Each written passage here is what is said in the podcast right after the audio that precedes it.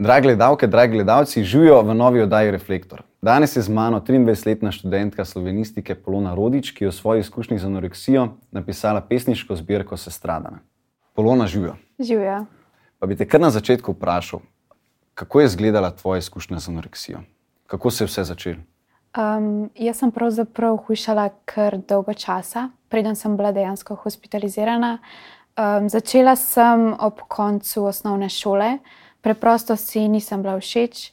Um, ni šlo samo za odnos do telesa, ampak odnos do cele sebe. Torej, nasploh se nisem počutila dovolj dobro med svojimi vrstniki, nisem se počutila, da sem dovolj dobra. In uh, zato sem mislila, da bom našla neko potrditev od zunaj s tem, da shujšam. In tako sem pač počasi začela hujšati recimo pri 14 letih, 15, takrat sem začela. Um, bolj se je pa potem stopnjevalo skozi gimnazijo, ker sem tudi dobila od zunaj neke potrditve, kako imaš lepo postavo, kako si ti suha.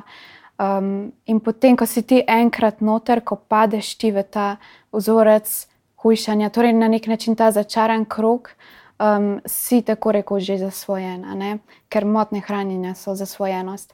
Tako sem bila tudi pri 17 letih. Um, že tako na tej točki, recimo, shujšala sem v enem mesecu, v dobrem mesecu za 10 kg, več kot 10 kg. In potem sem tudi na koncu nehala jesti, popolnoma nehala jesti in so me odpeljali v bolnico, ker sem tudi umedlela.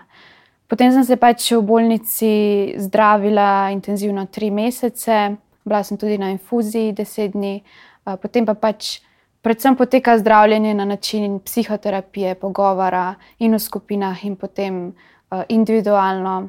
Je pa bolnica, torej, uh, ko ti prideš iz bolnice, šele začetek, da se ti dejansko začneš zdraviti. Zato tudi jaz pravim, da moja anoreksija je trajala veliko dlje kot tisto obdobje pred bolnico, pa bolnica, ampak predvsem tisto obdobje potem do danes, recimo, čeprav sem zdaj že nekaj let zelo v redu in pravim zase, da sem zdrava. Ker se mi zdi, da gledalkam in gledalcem bi koristili, če so odrasli ali pa mladi, da vidijo, kako izgleda sploh ena taka izkušnja z anoreksijo. Uh mhm. -huh. Kako se je pri tebi začel? Zdaj, če, če, se, če jaz prav razumem, je razlika med motnjami hranjenja in motnjami prehranjevanja. Tako je. Kako se je to pri tebi uh, odražalo? Um, kaj, kaj je katera? Motnje prehranjevanja so pravzaprav ne, ne obravnavamo jih kot duševno bolezen, medtem ko motnje hranjenja to so. Uh, pravzaprav med motnje hranjenja spadajo, predvsem so najbolj pogoste anoreksija, bulimija, pa kompulzivno prenajedanje.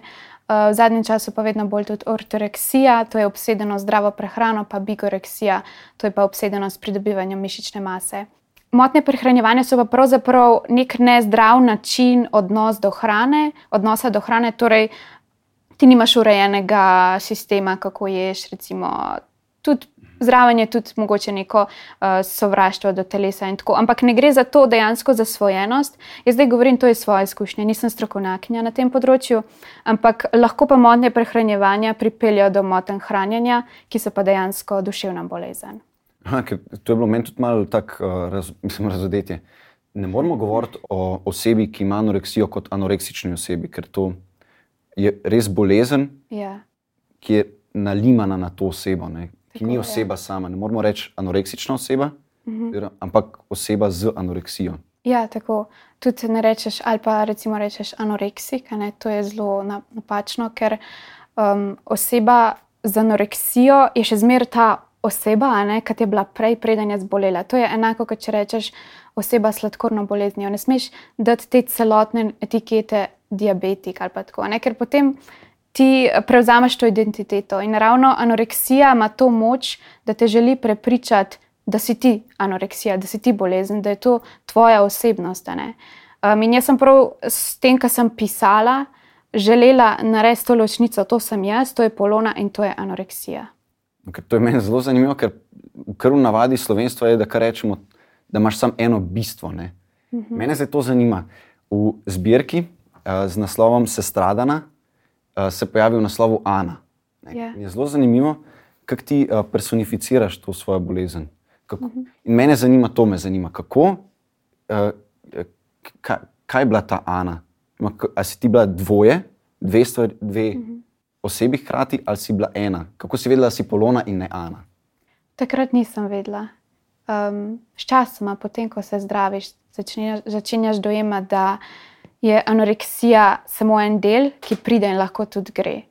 Um, beseda oziroma ime Ana sem uporabila zato, ker uh, je to na nek način eno mednarodno ime za anoreksijo, ki ga ponovadi uporabljajo prav osebe z anoreksijo. Tako, veliko krat um, govorijo, tudi jaz sem govorila o anoreksiji kot eni prijateljici, oziroma um, more, pisala sem v dnevnik, ne morem živeti brez Ane, brez anoreksije. Ne, to je moje bistvo.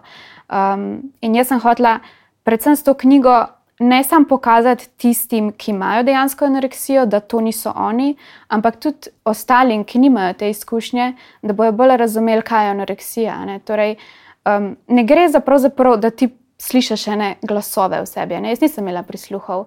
Ampak, ko sem jaz pisala, ko sem jaz govorila z družino, so mi vsi rekli, to nisi ti, ne? to je, da bi nekdo drug iz tebe govoril. Meni je rekla enkrat sestra, um, ko sem vem, se kregala, da ne bom pojedla obroka in sem jih prav tako pogledala in je rekla, takrat, ko si me pogledala, sem se te prav strašila, ne? čist druge oči so bile, da bi ena druga oseba iz tega, tebe govorila. Ne? In to anoreksija te pripravi do tega. Sem to verjetno, ta druga oseba je verjetno samo neki potlačeni deli oziroma neki nevideni aspekti tebe. Ja, v resnici je to bolezen. In kako se razvija ta, nekaj, iz česa se razvija ta bolezen, kako so izgledali ti razpoznavni znaki pri tebi?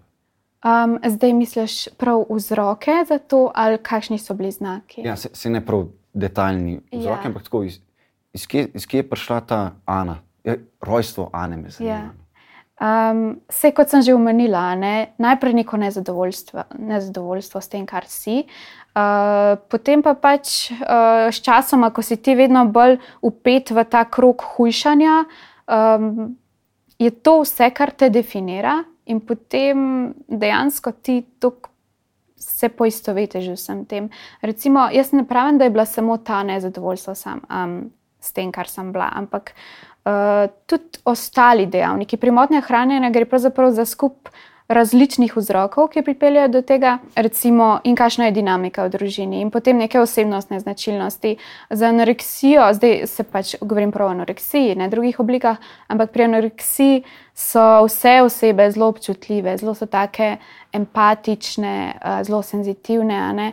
Hkrati imajo res tako zelo globoko občutje vse. Ne? Mogoče kakšna opaska, ki ti jo nekdo da v srednji šoli ali pa v osnovni šoli, je lahko tudi mogoče usodna. Ni pa to, bom rekla, zdaj ena stvar, ki ti pripelje do tega. Ni to vzrok, povod. Tako, tako povod ja. je. Ja.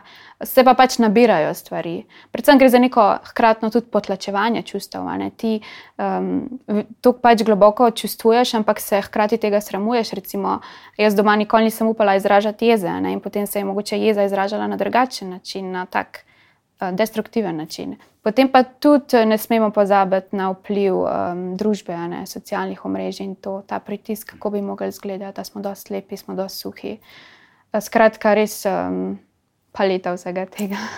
E, če smem, imam tukaj en uh, citat iz uh, spremne besede tvoje terapeutke Mateje. Ja, Mateje Cvetek. Ja. Um, če bi ga smel prebrati. No. Ja. Oseba z anoreksijo bo hrano veliko lažje sprejela, če bo imela v prehranjevanju občutek, da so odnosi do nje sproščeni osvobojeni bolečih, nepredelanih čustev, ljubeči in spremljajoči.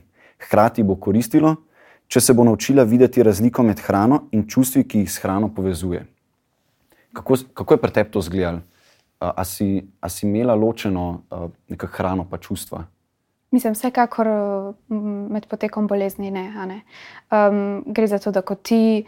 Um, pri anoreksiji zdaj govorimo, ne, ko te uspe shujšati, ko ti nečesa ne poješ, dobiš navaliti tega navdušenja, zadovoljstva. Ne, in to je neko lažno veselje, ki je v tebi. In potem, ko ti ne uspe, ko recimo poješ več, kot si planiral, ko ti ne uspe preteč tok pa tok, jaz sem takrat full tekla. Uh, takrat pa dobiš nek občutek in uh, jeze, pač začutiš jezo, potem sovraštvo do sebe. Skratka, hrana um, kontrolira oziroma nadzoruje tvoje občutke, torej kako boš ti um, šel skozi ti dan. Če sem jaz stopila zjutraj na tehtenco in je, šla, in je šel en dekagram gora, ne? je bil moj dan pokvarjen. Če je šlo na vzdolj, sem bila cel dan dobre volje in sem se počutila kot zmagovalka. Ker je to tuje moje izkušnje, da je kar nepredstavljivo. Ne? Ja, to je pač um, to je zasvojenost. To je treba povdariti, da je zasvojenost. In enako kot um, so pač druge oblike zasvojenosti, ne, kot ti enkrat prideš v to, rabaš vedno več. Jaz prav, enkrat, mislim, da sem v eni pesmi napisala, rabim novo dozo. In nova doza je bila za me en kilogram manj. In potem me je oče vprašal, enkrat, ko sem imela, mislim, da v resnici ne bom zdaj povedala, koliko kilogramov, ker je lahko to zelo um, problematično za koga, ki se s tem spopada. Um, ko sem imela zelo nizko število uh, kilogramov, me je oče vprašal, ja, do kog pa bi rada prišla. Sem rekla, ja, do tok. Pa rekel, ja, kaj pa polka boš prišla do tok. Sem rekla, ja, še tok, še tok. Je rekel, ampak takrat bo že umrla. Sem rekla, raje umrem, da sem debela. Ne, grozno se sliši zdaj, ko sem zdrava, ampak bolezen te pripravi do tega. To je zelo zanimivo. Zakaj bi si nekdo, mislim, ta želja po smrti, ki se mi se odraža tudi pri kajenju in pri ostalih destruktivnih, mislim, zasvojenostih. Ne? Kako si doživljala to, to željo po tem, po niču, bi filozofi rekli? A si imela, ker vmes na, na strani 36, ne, zapomnil, je zelo jasno nakazano, da Ana, ki želi umreti, pa ti, ki želiš živeti. živeti Kako ja. si to kombinirala, te dve različni mhm. želji? Anoreksija je me zagotovo hotela ubiti, uničiti. Ampak jaz, ko zdaj gledam nazaj, nikoli nisem imela prav tiste želje, jaz hočem umreti. Jaz sem se sam hotela rešiti te bolečine, ki je bila v meni. In uh, na začetku je pravzaprav tako, da je anoreksija tvoja ful dobra prijateljica. Na začetku te um, prepriča, da je edina rešitev hujšati. In ko si ti enkrat toknoter v tem, ko sem le v bolnici, In uh, sem pač komi ustala, ker sem bila tako slabotna in sem imela pred sabo hrano, sem vedela, da bi mogla jesti, ampak nisem mogla, preprosto nisem mogla. Ne? In to je tako nemočnega se počutiš. In takrat sem bila že malo jezna na to anoreksijo, ampak hkrati je nisem mogla kar poslati stran. Um, tako da jaz ne pravim, da je bila takrat pri meni prav želja po smrti, ampak prej želja potem, da bi bila sprejeta, da bi enkrat dosegla ta mir, ampak tega miru ne dosežeš. A bi ti rekla takrat, ko si, ko si imela anoreksijo, da je to bolezen, da si imela bolezen, ali bi takrat to zanikala? Torej, v tistem obdobju. V tistem obdobju, ja. Um, pri meni je bilo pravzaprav zelo zanimivo, mogoče malo drugače kot pri ostalih. Jaz sem bila, ko sem se začela zavedati, da imam anoreksijo, stara 17, torej bila sem v tretjem letniku gimnazije. In vse do takrat sem bila tako, ja, malo hujša, ne. Um, pač ima to moj način, ne, to sem začela imeti kot nek svoj stil življenja. Potem pa je prišlo do tega, da so se pojavili neki telesni znaki, ki so bili pač znaki anoreksije, ne, sem se pa ustrašila. In takrat sem jaz uh, začela tudi sama iskati po raznih literaturah, kaj se dogaja z mano, ne po spletu, in sem ugotovila, da imam anoreksijo. In jaz sem se takrat fully ustrašila. Zato sem tudi pristopila do staršev in rekla, meni se zdi, da imam anoreksijo. In takrat je bilo moje telo še kar na tisti meji normale, zato tudi mogoče niso takoj reagirali, kot so potem mogli čez mesec, dva, ker sem pa dejansko umedlela, ker sem pa. Kaj šlo pa sem še navzdol. Tako da jaz sem se um, sama, sama sem ugotovila, da imam anoreksijo in nikoli nisem pravzaprav zanikala tega.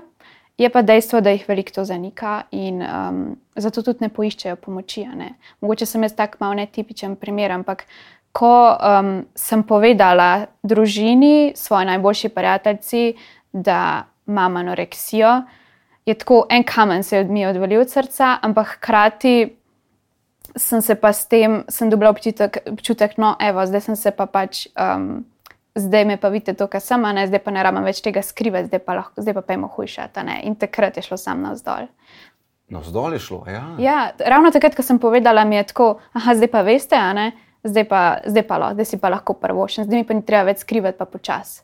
In sem takrat uh, tisto poletje, skoraj dva meseca, samo ležala v postli, jedla čist noč, skoraj. Um, pač tisto poletje je bilo za celo družino zelo grozno. Zanimivo pa bi človek rekel, da ko enkrat veš, kaj ima, da je to bolezen, ja. da se začneš aktivno boriti proti njej. Ne? Jaz sem bila takrat tako noter, da ni šlo. Um, težko je sam delati na tem, zato je tudi potrebna so leta. In kot je rekla moja psihiatrinja v bolnici, to let, ko se pač to razvija, to let se potem tudi zdraviš, kar je res. Uh, kam pa si ti šla iskati pomoč, potem ko si enkrat, oziroma na kateri točki si ti poiskala pomoč? Mm, pravzaprav so jo bolj starši. Uh, in sicer že preden sem bila hospitalizirana pri osebni zdravnici, uh, takrat sem tudi poiskala že terapeuta, šla sem tudi k eni psihiatrini, ampak potem je rekla in terapeutka in zdravnica rekla, um, pač če ne boš tok in tok pridobila na teži, bo šla v bolnico. In jaz sem pač rekla, grem pa v bolnico. Uh, mislim, nisem tako rekla, ampak nisem sodelovala. Uh, zato sem potem pač v bolnici imela obravnavo z drugimi, pač drugi zdravniki so me obravnavali, predvsem na pedopsihiatričnem oddelku imamo um, psihiatre, pa potem tudi dve psihologi, nista bili, ki sta um, z nami govorila in v skupinah, in potem individualno.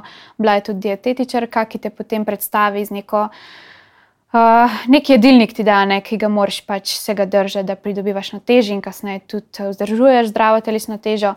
Potem, kasneje, torej po hospitalizaciji, sem pa jaz redno obiskovala psihoterapijo ene pet let, um, kar je bilo tako, veliko so moji starši investirali v to.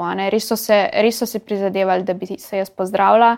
Um, ustrajali so tudi takrat, ko sem spet začela hujšati, ko se je, ko je šlo spet navzdol, ko sem spet skoraj šla v bolnico. Ne, meni je psihiatrinja, ko sem bila stara 18, napisala že na potnico za odrasli oddelek. Um, Pa so ustrajali. Tako da zdravljenje na psihoterapiji je najbolj pomembno, ne? tudi po bolnici. Težava je v tem, ker uh, starši pripeljajo ne vem, ščerko, sina, ki ima anoreksijo, pa ga potem v bolnici po treh mesecih zredijo na zdravo telesno težo. In tam dejansko ni toliko intenzivnega um, dela na sebi, kot je to potem na psihoterapiji. Zato je veliko povratnikov, zato pridejo eni trikrat, štirikrat nazaj, ker nimajo potem nadaljnega zdravljenja. Ne. Zato je psihoterapija pomembna, ker odkrivaš neke. In um, neke pretekle dejavnike, ki so vplivali na razvoj tega, predvsem pa gre za sprejemanje tega tukaj in zdaj. Torej, jaz v tem trenutku, kaj lahko naredim iz tega, kar sem. In meni je to fuldala um, družinska terapija, kamor smo tudi hodili um, z družino, kasneje sem pa potem nadaljevala sama. Kaj pa recimo, če ti družina ne bi stala ob strani? Kako si predstavljaš, da bi za nekoga, ki pa recimo mu družina ne stoji ob strani, kaj so njegove možnosti? Sigurno je teže, um, če nimaš podpore od zunaj. Uh, predvsem se mi zdi, da tisti, ki niso sami tako motivirani, da se pozdravijo, ne, je veliko teže. Pri mlajših je mogoče, pač se pač um, je ozdravljenje toliko više, možnost ozdravljenja toliko više, zato ker so zraven starši, zato ker si ti dejansko prisiljen iti na ta, um, torej to je na pediatrični kliniki, ne ti si tam prisiljen v zdravljenje in ne boš šel ven, preden ne dosežeš te in te teže. Medtem ko na odraslem oddelku, jaz sicer nimam izkušnje osebne, ampak poznam pa nekatere, ki so se tam zdravili. Um, če ti nisi sodeloval, si šel ven. Skratka, nad 18 moraš biti ti sam um, motiviran, da se boš pozdravil, kar je žalostno. Ne? Nekdo, ki je tako noter v bolezni, uh, nima te motivacije, ne najde. In če nima od zunaj te podpore, je težko. Pa če se mal vrnem nazaj, vem, da mal skačem, prosti mi. Redo je. Eh, ta motivacija mi je zelo zanimiva. Ker si predstavljam, ko si enkrat tok notri, ker sem bral tvojo knjigo, že jaz čutim, da je zelo težko, kje boš najdel izhod. Ne? Kdaj si ti najdla neko ariadnino nit, ki si se lahko držala? Um, pri meni ni točke, ki bi rekla, to je pa to. Takrat sem se pa odločila, da se bom pozdravila. Pri meni je bilo, pravzaprav je šlo za pot. Um, in ta pot je bila in na začetku, seveda, navzdol, bolnica, pa potem gor, najprej tista motivacija, da se hočem pozdraviti, pa potem, ko prideš domov, pa spet dol, zdaj pa lahko spet shujšam, ker nisem v bolnici, pa pol te starši hočejo dati spet v bolnico, pa greš spet gor, pa potem spet. Ampak pomembno je, da gre ta krivulja počasi vedno navzgor. Če ti konstantno delaš na sebi, če se obkrožaš z ljudmi, ki te podpirajo, ki ti res izražajo to ljubezen, predvsem pa, ko ti najdeš noter vse, kdo ti resnično si brez te bolezni. Torej, kaj je v meni tistega, kar me res izpolnjuje, kaj je tisto, s čimer lahko nekaj dam svetu. Ne? Mogoče sem jaz našla predvsem to motivacijo za naprej preko ustvarjanja, preko pisanja, ki sem, ki zdaj vidim po treh letih, ko sem izdala knjigo, oziroma dveh. Um, koliko dobivam od drugih, ne vem, in sporočil, in zahval, hvala, ker si pač spregovorila o tem. In jaz v tem, ne vem, v tem zdaj najdem nek smisel. Ne? Ko vidiš, kaj lahko ti s to svojo izkušnjo daš drugim. Se mi zdi, da bi rekla, da kdaj sem bila res zdrava, je bilo takrat, ko sem se nehala boriti za res to boleznijo, ampak sem to bolezen sprejela kot nek pretekli del sebe in z njo nadaljevala pot. Ne? Nisem bolna, ampak anoreksija bo vedno nek del mene, danes kot spomin, danes kot ena izkušnja, ki me pelje naprej. Vmes omenjaš tudi uh, pogum. Ja. Zanima, kako ti, uh, kdaj si ti bila pogumna? Mi je bilo zelo zanimivo, kako, kako si ti predstavljaš, pa bi te reče malo bolj o tem poprašal. Um, v tistem obdobju je bilo, torej, ko sem stradala, nekaj nisem načedla, je bil največji pogum, ko kar napišemo v pesmi, sam nekaj pojeste. Ne? Recimo, ko sem bila spet dni brez hrane v bolnici in sem bila dejansko, so mi rekli, če pa jutr ne boš začela jesti, pošla pa na sondo, to, kar ti dajo pocevki skozi nos hrano. In jaz sem se tega fulu strašila, tega pa nočem in sem pojedla pol jabolka tisti dan. In to je bil pogum. Ne. Takrat tega sicer nisem videla, jaz sem se sovražila takrat. Ampak, ko mi je mama jokala v telefon, ker je bila tako vesela, sem pol videla, ne, ker je rekla: Bravo, ne. to je bil pogum, ne, takrat ne polone. In zmer je ena nova zmagica, takrat je bilo predvsem na področju hrane. Danes pa vidim, da je pogum tudi to, da jaz tle sedim in govorim o tem. Pokažem svojo ranljivost. Se mi zdi, da um, to ljudje najbolj cenijo. Ko se ti popolnoma odpreš pred njimi, se bojo tudi oni potem pred tabo. Kako pa, kako pa je ta tvoja bolezen vplivala na tvojo okolico? Kako si ti dojemala, oziroma kako je okolica tebe dojemala? Um, če najprej pogledamo družino, vem, da je jo zelo prizadela, ne? ker anoreksija je bolezen družine, ni bolezen posameznika. Nekdo v družini pač neka ta teža pride na njega, ta najbolj senzitiven v, v družini, pač potegne takrat, ko ne, in ta zboli, ampak dotakne se pa vseh. Moja mama in moj oče, ne moja starša, sta takrat res trpela. Predvsem mami, ki se zdaj za nazaj lahko ful pogovarjava o tem, prav, da je včasih prosila, tako prav molila je, da če, kdo, če bi kdo umrl, ne raj ona umre, kot pa jaz, ker bi res rada, da bi jaz preživela. Uh, Um, vem, da sem takrat v tistem obdobju ful izgubila stike in svojo, torej mlajšo sestro, ki so bile prej ful dobri prijatelji. Um, in je potem pač ona izgubila to podporo starejše sestre, ki je prej ful imela. Se mi zdi, da takrat se je tudi vse to kvrtelo okoli mene in mogoče drugi, pač mi smo štiri otroci in ostali trije niso dobili toliko te druge pozornosti, ki so jo potrebovali v tistem obdobju um, naporno je bilo za vse. Tud, um, zelo sem hvaležna za njih, ker so bili pripravljeni in prideti na terapijo. In, um, vsi so zelo razumeli, da se mora ta starša v tistem obdobju več z mano ukvarjati. Tako da jaz sem samo hvaležna za njih. Glede prijateljev je pa tako, da um, anoreksija te tudi izolira. Um, ti si takrat tako upet v to, tako si noter v tem hujšanju, v ukvarjanju s tem, kako izgledaš da se pravzaprav nočeš več družiti z ljudmi, uh, tudi zato, ker to vključuje, ne vem, gremo na kavo, gremo na sladoled, ne pa, pa hiter alarm, sladoled, ne, ne bom jedla. Um, pa tudi nasploh, to se anoreksija vzbudi v tebi tok nekega gnusa. In zaradi tega gnusa se ti zapiraš vase, gnus do svojega telesa, do sebe, ne tudi do tega, kaj počneš. In zaradi tega jaz nisem hotla. Pravzaprav. Jaz sem imela prej kar dosti prijateljev, nekaj fan ljudi okoli sebe, pa sem se zaprla, ne? ker tudi nisem hotla o teh stvarih govoriti z njimi. Um, Edina svoja najboljša prijateljica sem lahko, je pa tudi ona takrat občutila zelo neko osamljenost, ker sem jo odrivala od sebe, ampak je ostala. To odrivanje, kako je to izgledalo? No? Oziroma, a si ti takrat, ko si bila v tej bolezni, pa očitno si odrivala, hkrati si pa verjetno želela si ene besedno pozornosti, pristnih odnosov. Ja, sej, se mi zdi, da anoreksija je odrivala.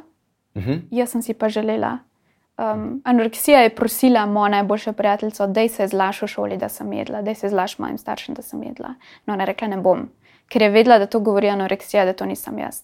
Ona je znala takrat zelo dobro ločiti. Um, se mi zdi, da tisti ljudje, ki te imajo res radi, ki te res poznajo že odprej, bojo pač težko je razumeti, seveda, da je to anoreksija, da to nisem jaz, ne, da nisem jaz tista, ki govorim take stvari. Ampak, ko so to razumeli, da je to anoreksija, ki je ona razumela, ne, um, takrat ostaneš, kljub vsemu temu. Moja terapeutka je rekla staršem, sam razumete to, da to govori anoreksija, to ni polona. Polona se bo pozdravila, anoreksija bo šla, samo ustrajati je treba. Kako se ti pa zdi, da bi morale izgledati družine, oziroma kako, kako se ti zdi ta idealna uh, družina, da bi funkcionirala na način, da bi probo spodbujati, da do anoreksije pri otroku ne pride? Mhm. Torej, da se sploh ne pride do te bolezni. Ja. Kot preventivno. Um, zdaj ne moramo zagotoviti, da se to ne bo zgodilo, zato ker pač gre za, vse sem že prej omenjala, toliko različnih dejavnikov, ampak vsekakor pomaga, če um, predvsem ta odnos do telesa, do hrane, ki ga imajo že starši. Torej, že pri otroku zbudi ta zdrav odnos do sebe, torej do telesa, da se ne komentira tudi ostalih ljudi, kako izgledajo. Torej, um, da se ne komentira, kako si pa pojedo. Take drobne izjave lahko pripeljajo do enega prepričanja, biti debel je zelo, slab, je, je zelo slabo. Um, in pa če bom suha, bom ljubljena, bom redu. To je pravzaprav današnja kultura, to promovira. Torej, vzpostaviti en zdrav odnos, ker ko imaš ti Torej, ko imaš ti rad svoje telo, boš tudi, do, boš tudi torej, uh, skrbel za njega, boš se zdravo prehranjeval, boš se gibal. In vse to, torej, izhajati iz te ljubezni do sebe, ker potem se to izraža tudi na vzven. Um, pa tudi ena mogoče druga točka je, nas smo štiri otroci in smo si zelo različni. Mogoče jaz nisem toliko našla sebe med drugimi, ker sem se počutila, da nisem zadosto opažena, da to, kar sem, ni dosto v redu, da moram biti enaka kot ostali. In zato se je treba zavedati, da ne glede na to, koliko je otrok v družini, vsak je edinstven. In da tu vsakmu to, um, kaj pa vem, ga res ceniti v tem, kar je.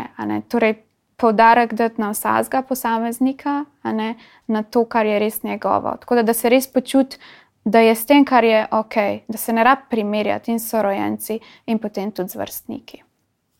Če prav razumem, se v bistvu pričakuje od staršev, da se prvi spremenijo. Ja, ampak um, jaz nikoli ne maram tako reči, moraš se spremeniti ali pa ti si kriv za to, kar sem. Pač vsi delamo na sebi, vsi se učimo, tudi mi bomo enkrat starši in bomo delali napake. Ampak če res izhajamo iz te ljubezni do sebe in potem tudi do bližnjih, bo lažje.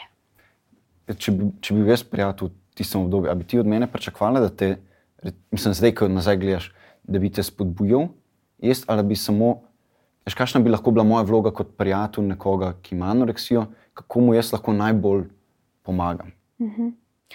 Um, velikrat se o anoreksiji tudi ne govori toliko. Se mi zdi, da je to še zmeri, čeprav zadnja leta se vedno več govori, nek tabu. Zato tudi nismo tako dobro seznanjeni s tem, kaj sploh so motne hranjenja. Zato tudi um, mladi, predvsem do svojih prijateljev, težko pristopijo. Um, jaz takrat, tudi, ko sem prišla nazaj iz bolnice, nisem želela, da kdorkoli ve, kaj je bilo z mano. Samo moja prijateljica je vedela, pa učitelji. Um, je pa tako, da mi je bilo mogoče v tistem obdobju bolj pomembno to, da sem dubla od prijateljev tisto drugo plat, tisto, kar je polona rabila. Torej, anoreks, anoreksijo so se ukvarjali strokovnjaki, smo se ukvarjali tudi doma, so se ukvarjali v bolnici. Jaz sem pa hotla tisto polono ločiti od anoreksije, da bi mi nekdo dal potrditev, mislim, potrditev, ne. Lej, tlej pa polona. Ne? ne, da je skozi v igri anoreksija, torej da te nekdo obravnava kot navadnega človeka in vedno bolj, kot ti. Mm, Torej, vedno bolj, ko ti neguješ ta, ta zdrav del sebe, bo vedno un, un del bolj umiril v tebi. Tako da mogoče res ta, ni treba, da, še, da je še moj prijatelj, moj terapeut. Hm.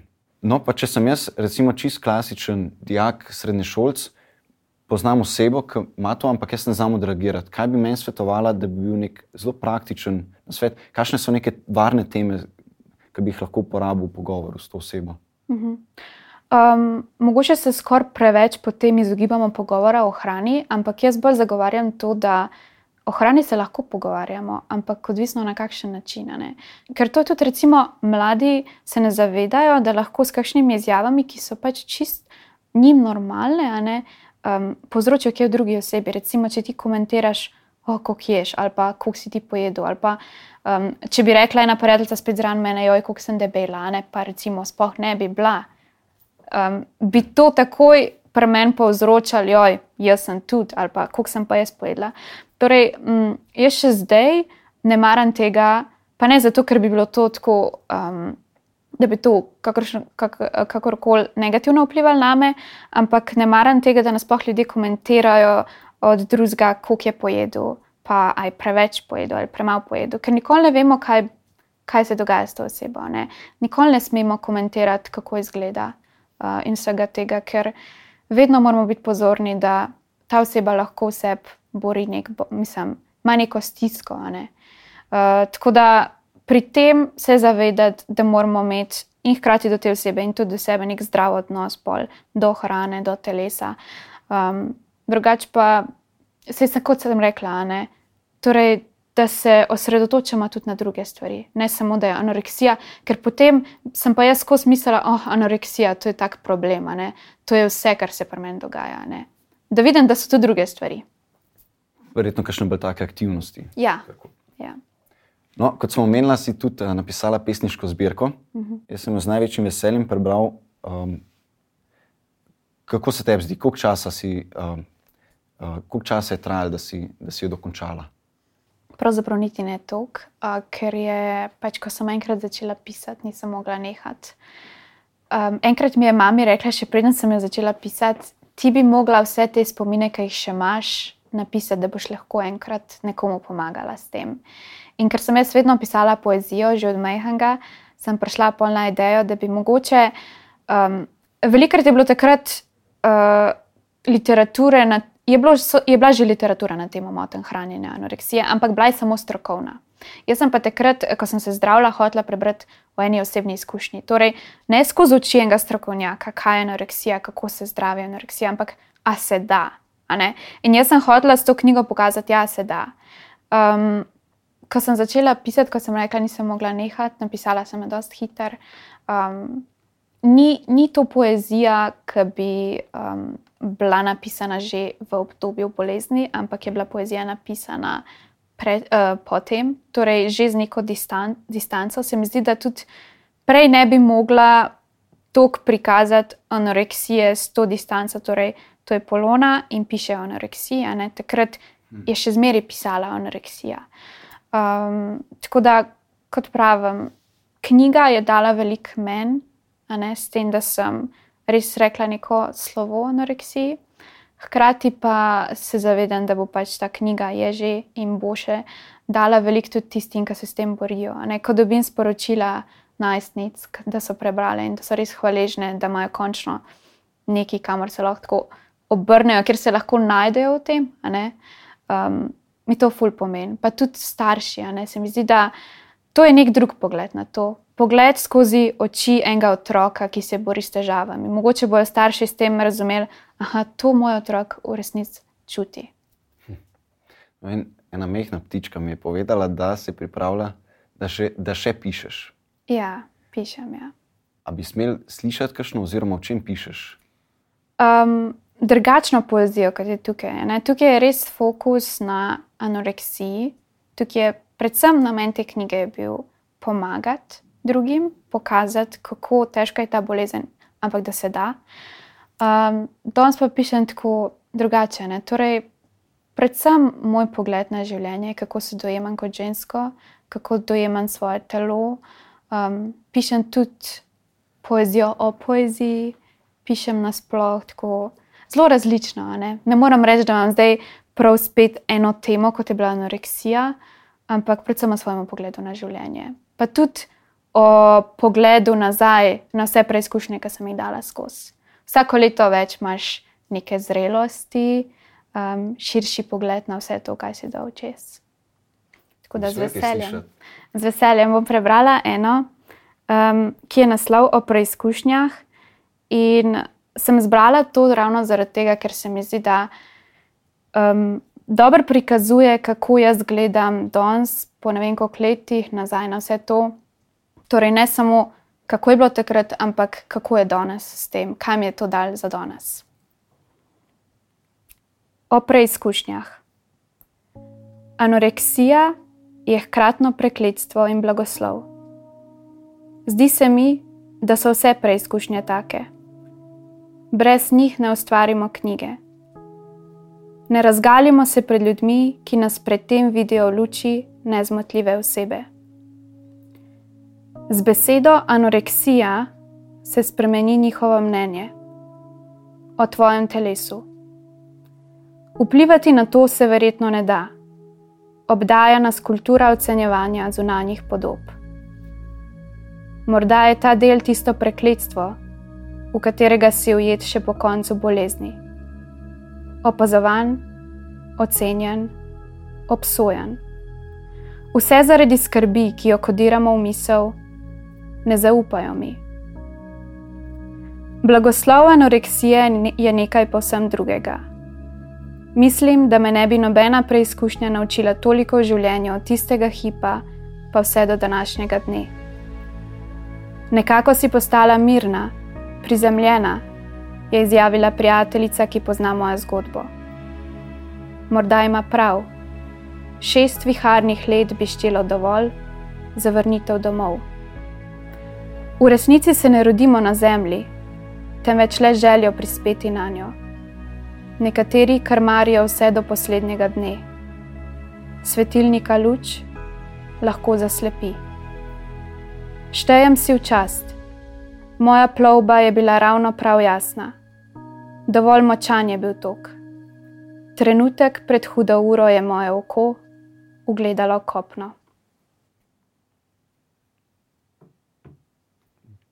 Krasno je. Hvala. Res. Ko mi čakam, da, da, da novo potem. Da prebereš novo zbirko.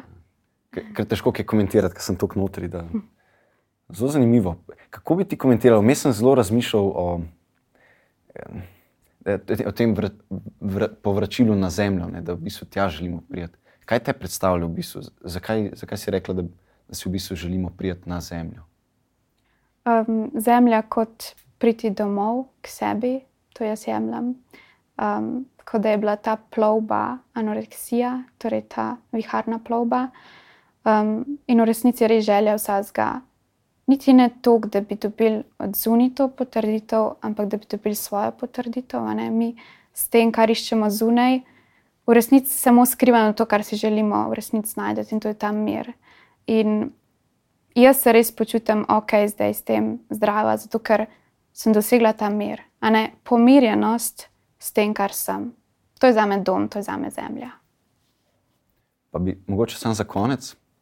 Za konec bi samo še uh, vprašal, in kaj potem, ko v tebi zmaga življenje? Ko, ko, nekak, ko je ta proces, ko se začne ta inkrementalna, kot si rekla, kaj zdaj delaš z življenjem, kako ga zdaj dojemaš? Zelo sem hvaležna za njega cenim ga prav zaradi tega, ker sem ga skoraj izgubila. Um, drugač gledam na, na no te izkušnje dalje um, in hkrati toliko bolj cenim to, kar sem. Zavedam se, da je v meni veliko talentov, da je v meni res te veliko ljubezni, ki jih lahko dajem vse čas drugim. In ne vem, zato jemljem to življenje res kot blagoslovene. Vsak dan lahko nekaj s tem, kar sem, dan drugim prihajajo tudi težki dnevi, ni tako, da zdaj, ko sem pa ozdravila, zdaj sem pa vsak dan nasmejana in vesela. Ampak se mi zdi, da ker sem vse čas v tem stiku s sabo, je to lažje sprejeti in doživljanje nekih težjih stvari, in potem tudi doživljanje lepših. Ker globina žalosti, ki jo lahko občutimo, je enaka globini vse te ljubezni in veselja, ki ga občutimo. In to um, empatičnost oziroma senzitivnost, ki je v meni, jaz zdaj cenim, ker sem jo nekoč zavračala. S tem bi lahko tudi počasi zaključila polona, se mi zdi, da smo lepo zaokrožili. Stokrat ti hvala, da si bila sploh pripravljena priti sem, pokazati svoje ranljive točke, ker ne dvomim, da bo to marsikomu pomagalo, če ne drugega, vsaj preseb, do sebe gojiti neko novo ljubezen, ki prej mogoče nismo imeli. Oda, hvala ti, Hvala res in tebi. komaj čakamo na novo pesniško zbirko. Hvala in hvala za povabilo. Tako, to je bilo to, dragi gledalke, dragi gledalci, hvala za ogled. Všečkajte nas, naročite se na kanal, pa nas spremljate tudi v naslednji oddaji. Hvala.